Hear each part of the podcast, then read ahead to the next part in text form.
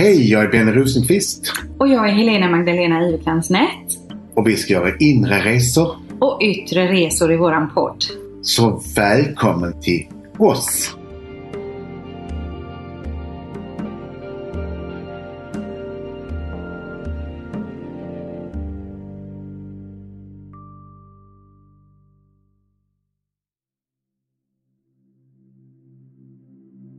Hej, jag heter Benny Rosenqvist. Jag är medial, healer och författare. Och jag heter Helena Magdalena Iverkrans Nätt och arbetar också som medium och astrolog och författare. Och idag Benny har ju vi med oss en spännande gäst i våran podd. Och du heter? Christer Boteus och vi passar på att tacka för inbjudan. Det gjorde mig jätteglad. Och vi är så glada att ha dig som gäst. Men vem är du? Eh, ja, vad ska man börja med?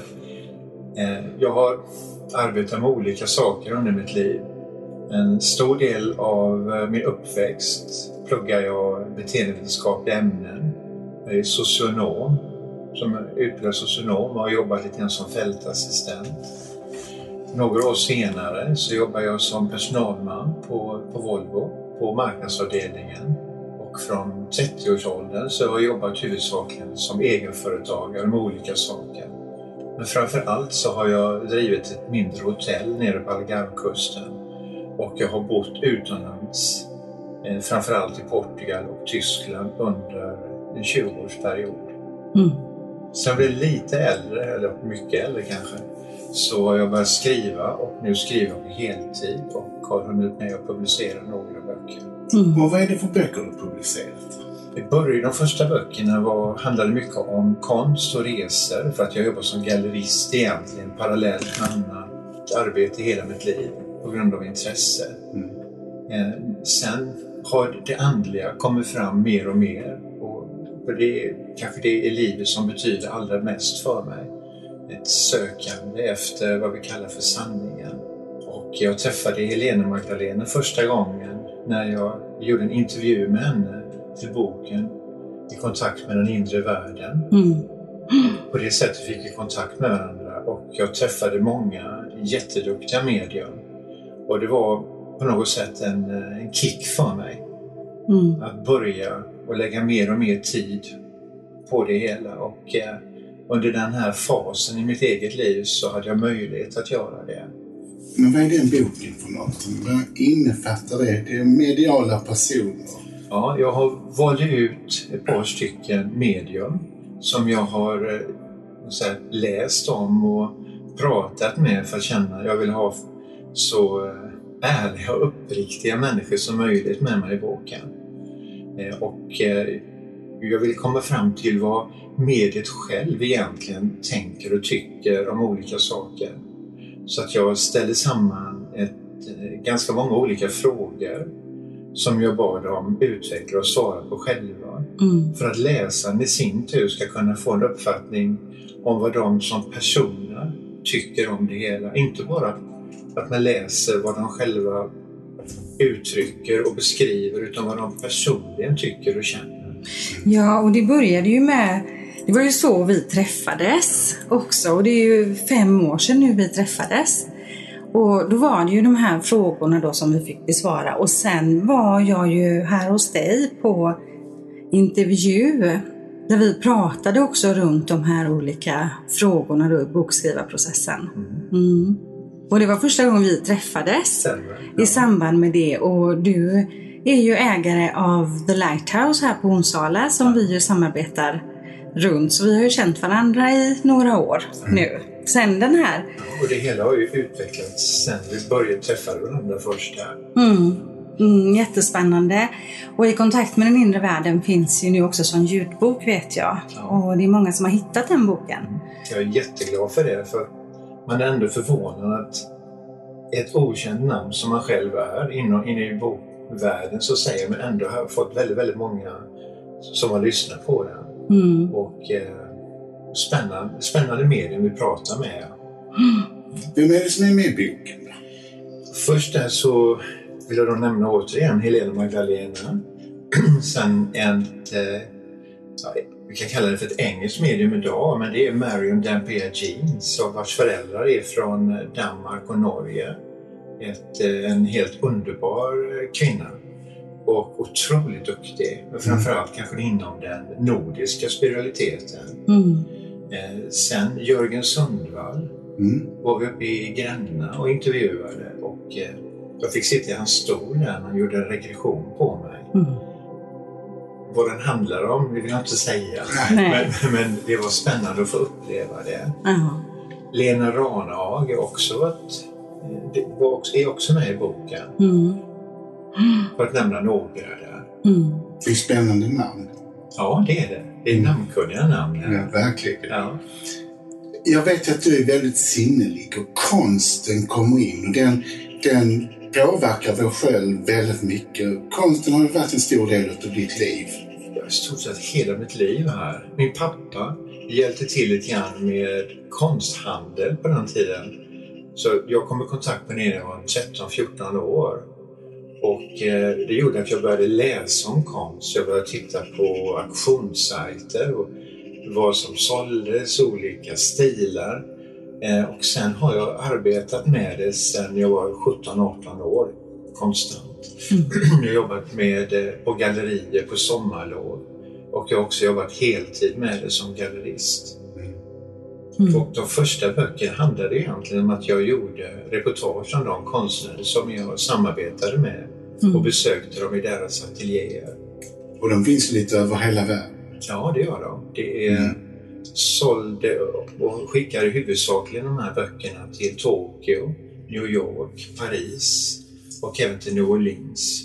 Mm. Det är de huvudsakliga. De mottagade stora gallerier där. Mm. Mm. En av de riktiga favoritkonstnärerna som jag var i kontakt med mycket eh, var Nissan Engel som tyvärr gick bort 2016. Mm. Vi tillbringade ett helt år med att resa tillsammans. Eh, Och vi var, vi var i eh, Israel under flera veckor och åkte runt där. Han är född i Haifa. Han berättade sin historia med ja, vad som hände. Och han var med om eh, första kriget med Israel blev en egen stat Mm. och, vi, och vidare där. Sen var vi i New York och besökte hans gamla kvarter i Soho och Greenwich Village. Eh, han var ju bekant med Andy Warhol, eh, Conyard, många av den tidens stora namn Mm. på 60-70-tal. De besökte varandras ateljéer. Sen fortsatte vi resan ner till New Orleans där han hade en stor utställning som jag reste dit med tillsammans med fotograf Petra Björstad. Mm. Så vi gjorde de här- den här resan tillsammans. Och Petra som är en jätteduktig fotograf här i Sverige Mm. har ju dokumenterat det här bildmässigt. Och sen har vi fortsatt till hans hem utanför Paris. Vi har varit i Monets trädgårdar tillsammans för de bodde väldigt nära där. Mm. Så det har varit en väldigt, väldigt spännande resa. Mm. Och väldigt vackra, väldigt vackra böcker. Nissan Engel-boken är fantastiskt vacker. Ja. Och jag tänker också det att vi nämner det nu eh, att via Studio Boteus då så kan man nå dig och, och dina böcker. Mm. Och Galleri Art Veritas Ja. är ju också du verksamhetsansvarig för. Mm. Tackar för det. Att vara entreprenör och vara andlig är inte så vanligt. Ibland har det känts lite konstigt här för att det mesta man gör det går ju ut på att man, man bygger något, man ska sälja något. Eh, och varför man gör det är ju för att man ska tjäna något som kan bli en lön, någonting man kan leva på. Ibland så känns det som en konflikt lite grann. Mm. Så att eh, det, det har varit konstigt emellanåt. Det har det faktiskt. Men någonstans, än så länge, existerar pengar. Ja, det gör Och det. är pengar en energi. Ja, och pengar kan hjälpa till att bygga upp saker som många kan ha glädje av.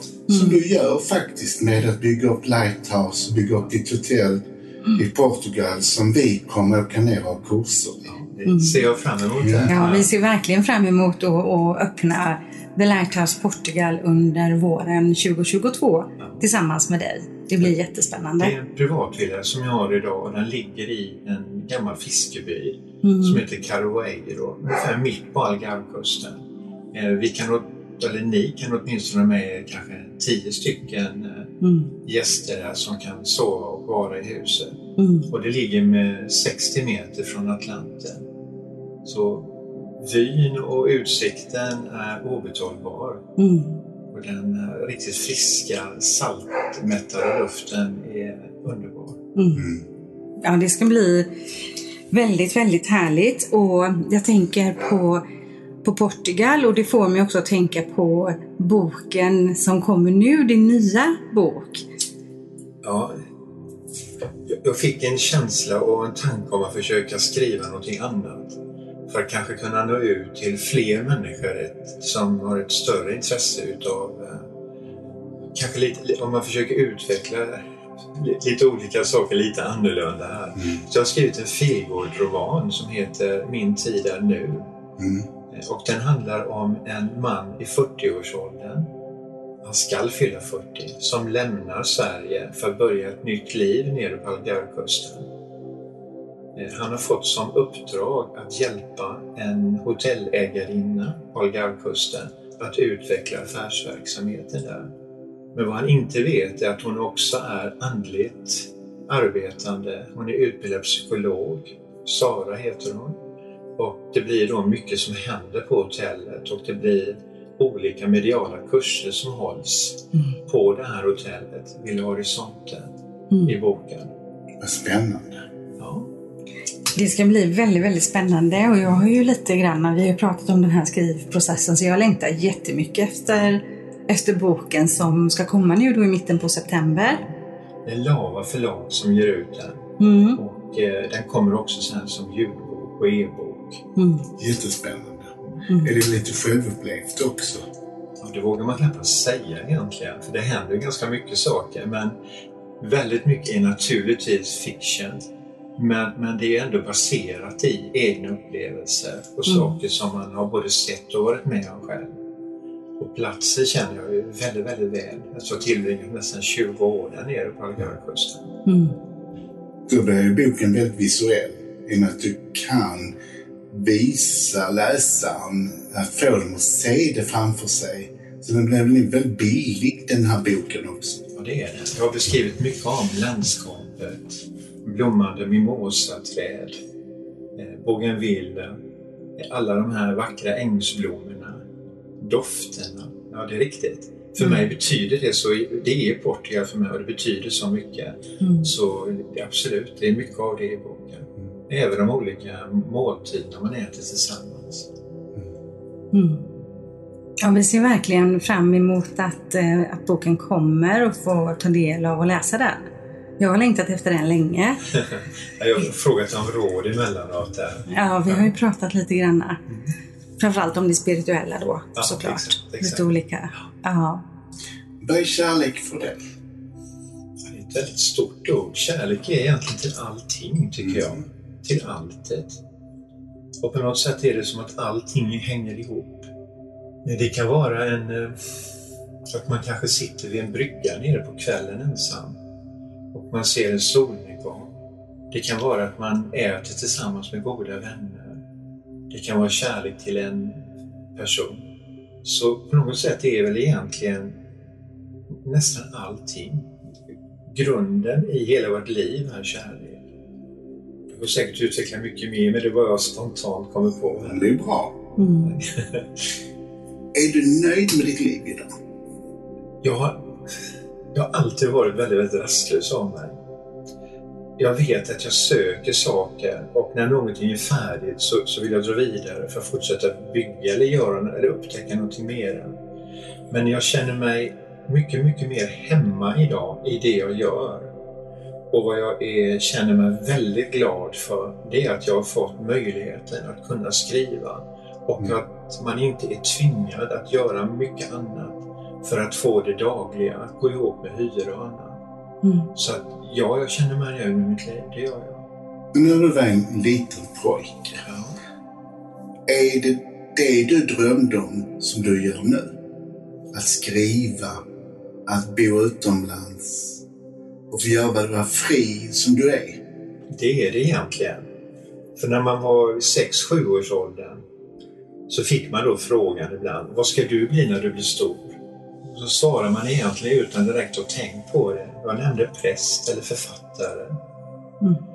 Och det här med när fröken med ett bildband i, i första klass visade länder där apelsiner växte. Mm. Jag kände som dragning till det. Och det var någon dikt, det var Isaias Tegnér, dit flyttfåglarna söker eller vänder sig till. Mm. Det. Och det gjorde ett jätteintryck på mig. Mm. Så jag har alltid dragits mot ett varmare klimat. Mm. Eh, Men också de här, den här typen av frågor. Mm. Mm. Och skrivandet då. Ja, det är på något sätt en del av det. För att genom att skriva så förflyttar man ju sig tankemässigt till olika platser. Mm. Och genom skrivande så upplever man saker som man egentligen inte förstår för man själv sitter och försöker formulera det hela. För det kommer ju inifrån, Mm. det som kommer ner på. Det är så magiskt på det sättet att det blir, vi, skriver, vi pratar om resor. Ja, Det är en resa när man skriver i dig. ja, det var Det blir, det, det, det, resa, blir en, ja. och sen blir det en, en resa för läsaren. För du tar dem till din resa.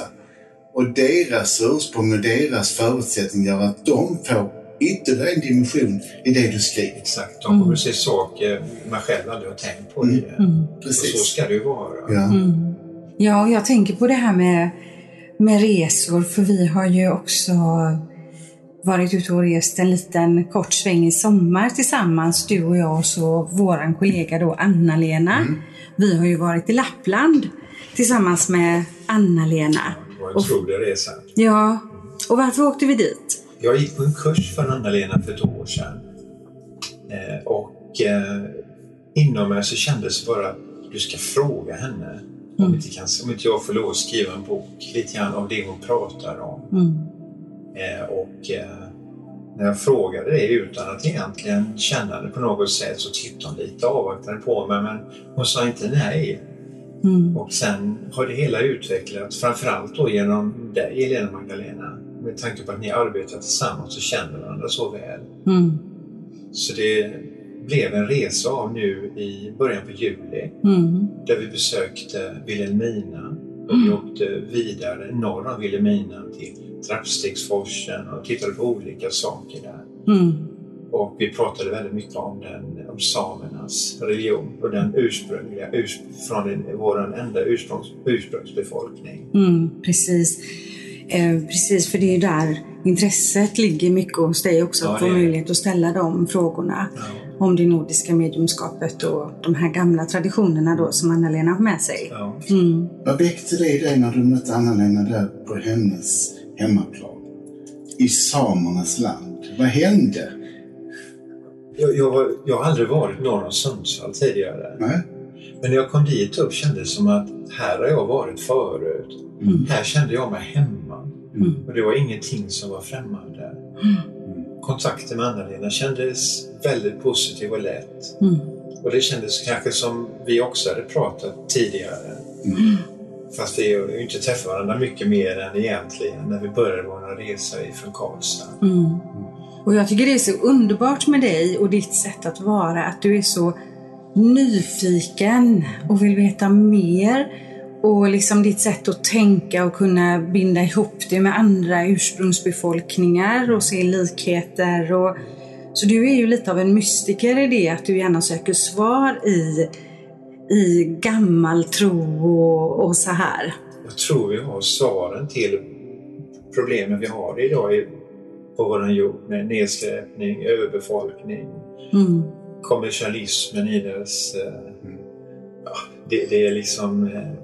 Vi köper lycka, men Mm. allting finns ju inom oss. Mm. Mm. Och genom att bejaka det som tidigare generationer är, det behöver inte vara ursprungsbefolkning, det finns många andra med. Mm. Men de gamla sanningarna finns ju ofta från Nordamerikas indianer fram till våra samer.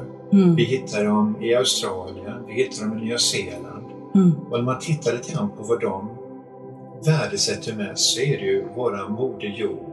Att leva i samklang med den och att inte våldföra oss på, eh, på Mm. där, där vi befinner oss här nu. Mm. Utan hitta någonting där vi kan både ge och ta till varandra. Mm. Att allting hänger ihop och att allt är levande. Mm. Har du fått någon speciell upplevelse när du har varit ute i naturen som har varit annorlunda? Ja, det har jag, jag har fått många gånger. Ja. Vi har aldrig pratat om det här men eh, när stort sett när min pappa dog eller när man får sådana här dramatiska saker så väljer jag att vara ensam och eh, jag går ut och vandrar. Jag kan sätta mig ner vid havet och jag känner en närvaro runt mig. En energi som får eh, tårar rinner och håret reser så att man riktigt ryser. Men det känns också tröstande och glädjerikt. Mm. Så det, det får jag ganska ofta. Mm. Ja, så länge jag kan minnas. Det är fantastiskt. Ja, det är det. Jag är jätteglad för det. Det kommer komma mer böcker om urbefolkningen, känner jag. Ja, jag hoppas det. Så att det är, ja, vi, har inte, vi ska träffas nästa vecka för att bara gå igenom text lite grann. Men jag skulle vilja få med redan i denna första boken några intervjuer med representanter för ursprungsbefolkningarna. Mm. Eh, Att man bara liksom formulerar från tre eller fyra olika folk att man avslutar vår gemensamma bok med det. Mm. Och jag vill bara Ja. förtydliga här att det är alltså uppföljaren till Anna-Lenas första bok Ja, som blir bok nummer två Ja. som, som du och Anna-Lena nu håller på att skriva. Ja. Mm. Så att man hänger med om man Vad lyssnar heter på hennes podden. första bok? Hon som ser Ja. heter första boken som kom för några år sedan. Mm. Och nu så håller ni då på tillsammans och arbetar. Och Anna-Lena kommer ju såklart vara med här i våran podd också och berätta om det arbetet som ni gör tillsammans. Men det är spännande att du, dels Min tid är nu, som kommer nu och så vet jag ju att du jobbar vidare på att göra en serie med Min tid är nu. Och sen så kommer Anna-Lenas bok så du har mycket planer i pipeline här. Mm. Det är alltid så. Man, man får försöka titta fram så mycket som möjligt. Men bok nummer två, som jag redan håller på att arbeta med och jag har haft en redaktör som har gått igenom den nu. Den heter Den hemliga elden Mm. och det är då en fortsättning från Min tid nu. Mm. Så den är under arbete nu. Wow. Ja. Mm. Så spännande. Vet man någonting om när man kan förvänta sig att den kommer att släppas? Jag skulle tro att det ligger nog något år framåt i tiden. Mm. Själv behöver jag nog ett par månader till för att avsluta den. Mm. Skriva lite med råd och anvisningar som jag har fått hjälp med. Men det har vi inte tid att vänta. Nej. Vi har vi är så nyfikna Vi vill läsa nu direkt. Alla Vi läser böcker. manuset innan kanske. Ja men det är ju jätte, jättespännande. Eh, och också att du har den här längtan efter att få veta och förstå och, och även i din tid, den här Min tid är nu nu. Mm. Att du får ihop det på ett så bra sätt och väver in det här andliga. Och jag tänker också på din fråga där om du själv har haft upplevelser. Är det också det som man kan förvänta sig i boken här med huvudpersonen, att det är lite olika upplevelser? Det är det faktiskt. Ja. Eh, Och Gabriel har precis som jag, jag har fått eh, jag säger att, att man känner som man förflyttas ifrån sig själv. Mm. Och att jag befinner mig på andra platser. Mm. Det har hänt ett antal gånger under mitt liv, men de minns jag fortfarande väldigt, väldigt klart. Är det utomkroppsliga? Ja, det är det. Mm. Så att jag förflyttas och sen jag deltar i, det kan vara typ man är ja, på olika platser, det kan vara ett skepp, det kan vara på olika saker. Mm. Och sen är det som man förflyttas därifrån så man sen ser det från ovan tills man eh, bara liksom vaknar till. Mm. Det är som en typ av meditation men ändå inte. Mm. Så ja, det, det är någonting jag upplevt. Upplever du, eh, ställer jag en fråga till dig här då. För vi träffades ju för fem år sedan. Ja. Eh, Och upplever du att de här fem åren har förändrat dig mycket? Ja, det har de. Mm. Jag känner att jag blir mycket känsligare. Ja. I, så som det är idag så har jag till och med svårt att se på eh, om det är för våldsamma filmer. Sånt tänkte jag inte på tidigare. Men, men jag vet inte, det är vissa, jag, jag känner att jag blir mycket känsligare. Mm. Både mot människor och eh, alltså, rent tankemässigt här. Mm. Så ja, det har förändrat mig. Likadant så har det känns så naturligt nu, Mm. det vi pratar om. Mm. Det, det är liksom ingen tvekan om att vi lever vidare, vi lever flera liv och vi utvecklas som människor här. Mm. Mm, för jag upplever också det de här åren, att du kanske mer också fått ägna dig åt det som du verkligen tycker är intressant och spännande. Och du har skrivit väldigt mycket och det blir ju en utveckling, Ja, en inre utveckling att få skriva så mycket som du har gjort de här åren också. Men som egenföretagare när man är 30-40, man ska ha en familj och du ska liksom försöka vara en, en bra försörjare. Det gör att man blir så koncentrerad på det man har för händerna då. Mm. Så att nu är jag väldigt, väldigt tacksam att jag inte behöver tänka lika mycket på det. Mm. Mm. Det är fantastiskt. Ja. Har du varit med om tidigare liv? Har du upplevt någonting att du har levt, kommit på någon plats, du som har rest så mycket? Träffat några människor som du känner att jag har träffat dem innan? Jag har aldrig sett det i de... När jag själv har varit på andra platser så har jag aldrig, har jag aldrig sett det. Men däremot så kan jag få den känslan av att träffa någon annan människa. Mm. Mm. Och även att man är på någon annan plats. Att man tillhör, man har varit där. Mm. Men, jag, men ingenting som är sådär väldigt precis att jag kan namnge någon. Mm.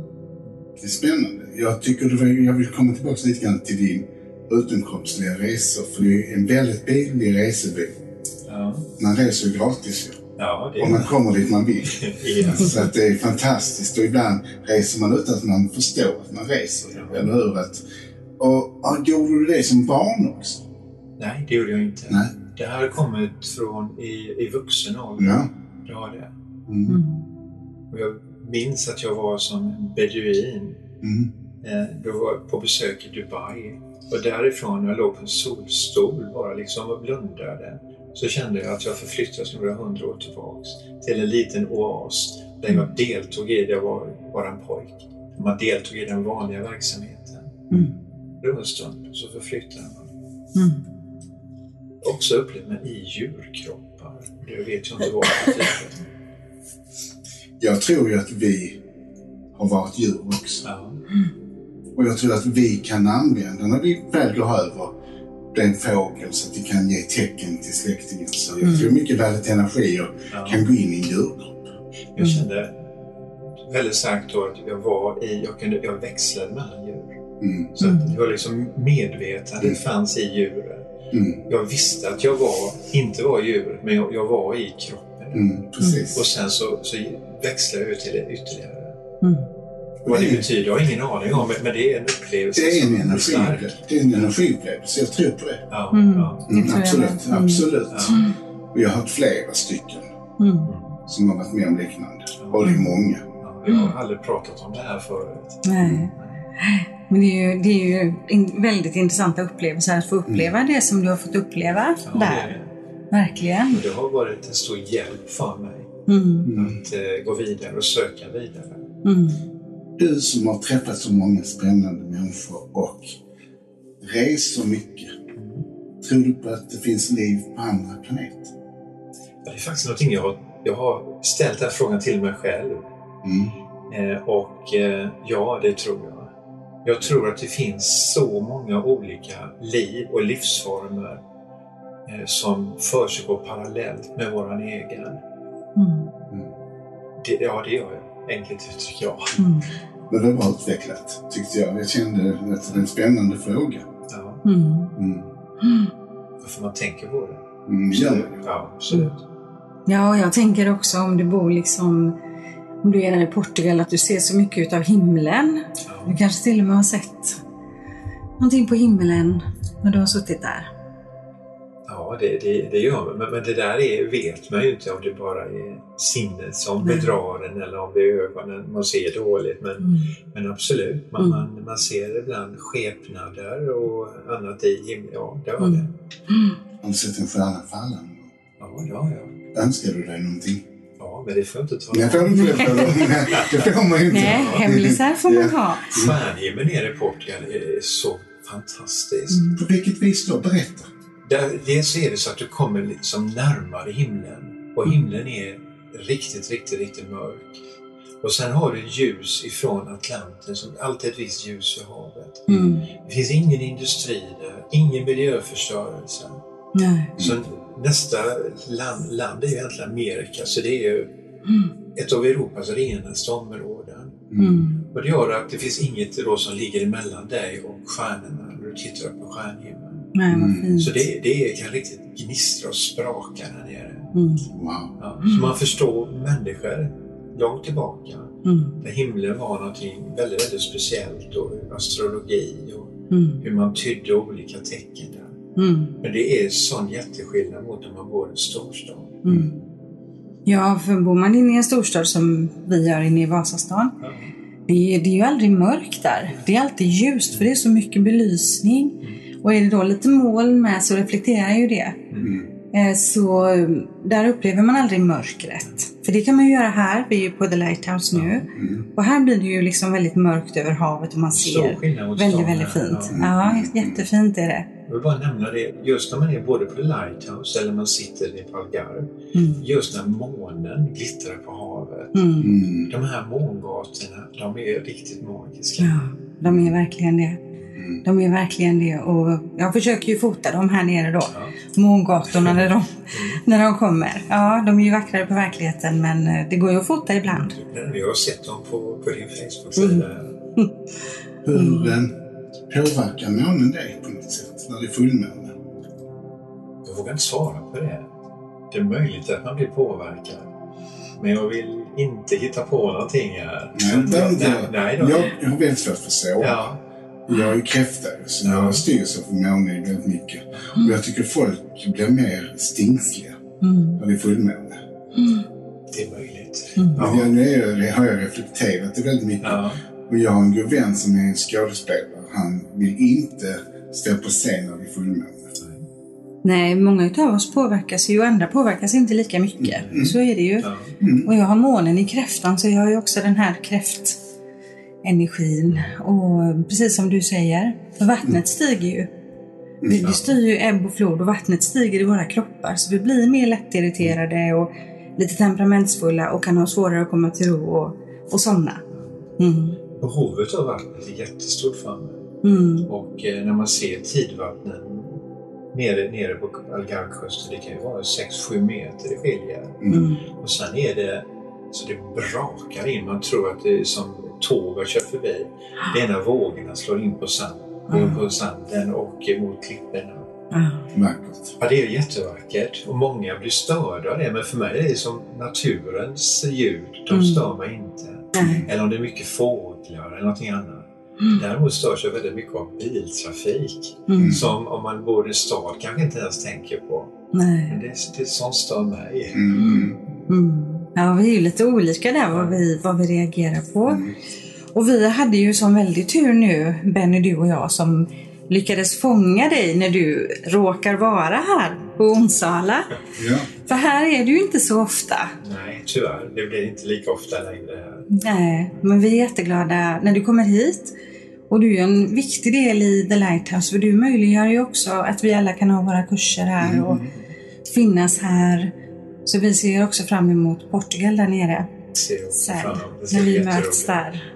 Och du har ju skapat det här fantastiska så vi är tacksamma det vackra vi har runt omkring oss. För som estet du är så får vi säga att det är så underbart vackert. Det är jätteroligt att höra. Mm. Men, men för mig att veta att en plats som jag älskar så mycket be, bedriver en sådan verksamhet som också ligger mig så nära om hjärtat. Det är Mm. också en, en jätteglädje. Mm. Så ni är ju lika delaktiga i detta här. Mm. Ja, det är så fint och det är fem år sedan jag trädde in här genom dörren och skulle vara med då i, i boken. Och eh, så tittade du på mig och sa du ska du inte bo här i halva huset. Så det var ju liksom direkt bara så här. Men att vi väntade sen i några år. Mm. Men det bara kommer till mig och jag vet inte vad, men, men det bara kommer och då låter jag det gå ut. Ja. ja. och det är du och din man Jörgen som har detta här nu Mm. och är här och, som har, och det är ju du som gjort det möjligt för er. Mm. Så ni tre personerna är ju viktiga för den här platsen. Ja. Platsen har kallat hit oss. Ja, de har det de kallar. Ja, det är så.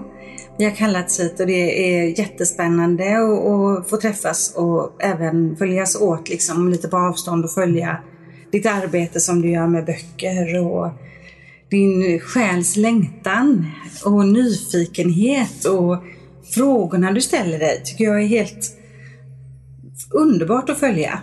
Mm. Jättespännande. Mm. Jag hoppas du vill komma tillbaka som gäst i vår podd igen. Det vill jag väldigt gärna. Och jag ser fram emot att få träffa er båda två snart igen. Ja, vi kommer ju till våren. Kommer Åker vi till Portugal och lyssnar på vågorna. Och vem vill inte följa med på en sån resa? Ja, precis. Precis, och vi kommer att lägga upp på The Lighthouse hemsida så kommer vi lägga upp också lite bilder och presentationer och sådär. Och vartefter vi lägger upp kurser där nere också att man kan gå in och anmäla sig på The Lighthouse Och dina böcker då hittar man på Studio Boteus och konsten finns på Galleri Art Veritas på, på webb så man hittar det och kan följa ditt arbete. Jättespännande. Och så önskar vi dig lycka till nu då med boksläppet här 15 september. Det ska bli jättespännande. Mm. Och en skön resa hem. Tack. Mm. Tack så mycket. Tack så mycket. Tack för idag. Ja. Tack alla våra lyssnare som har lyssnat på oss. Och vi hörs om en vecka. Det gör vi.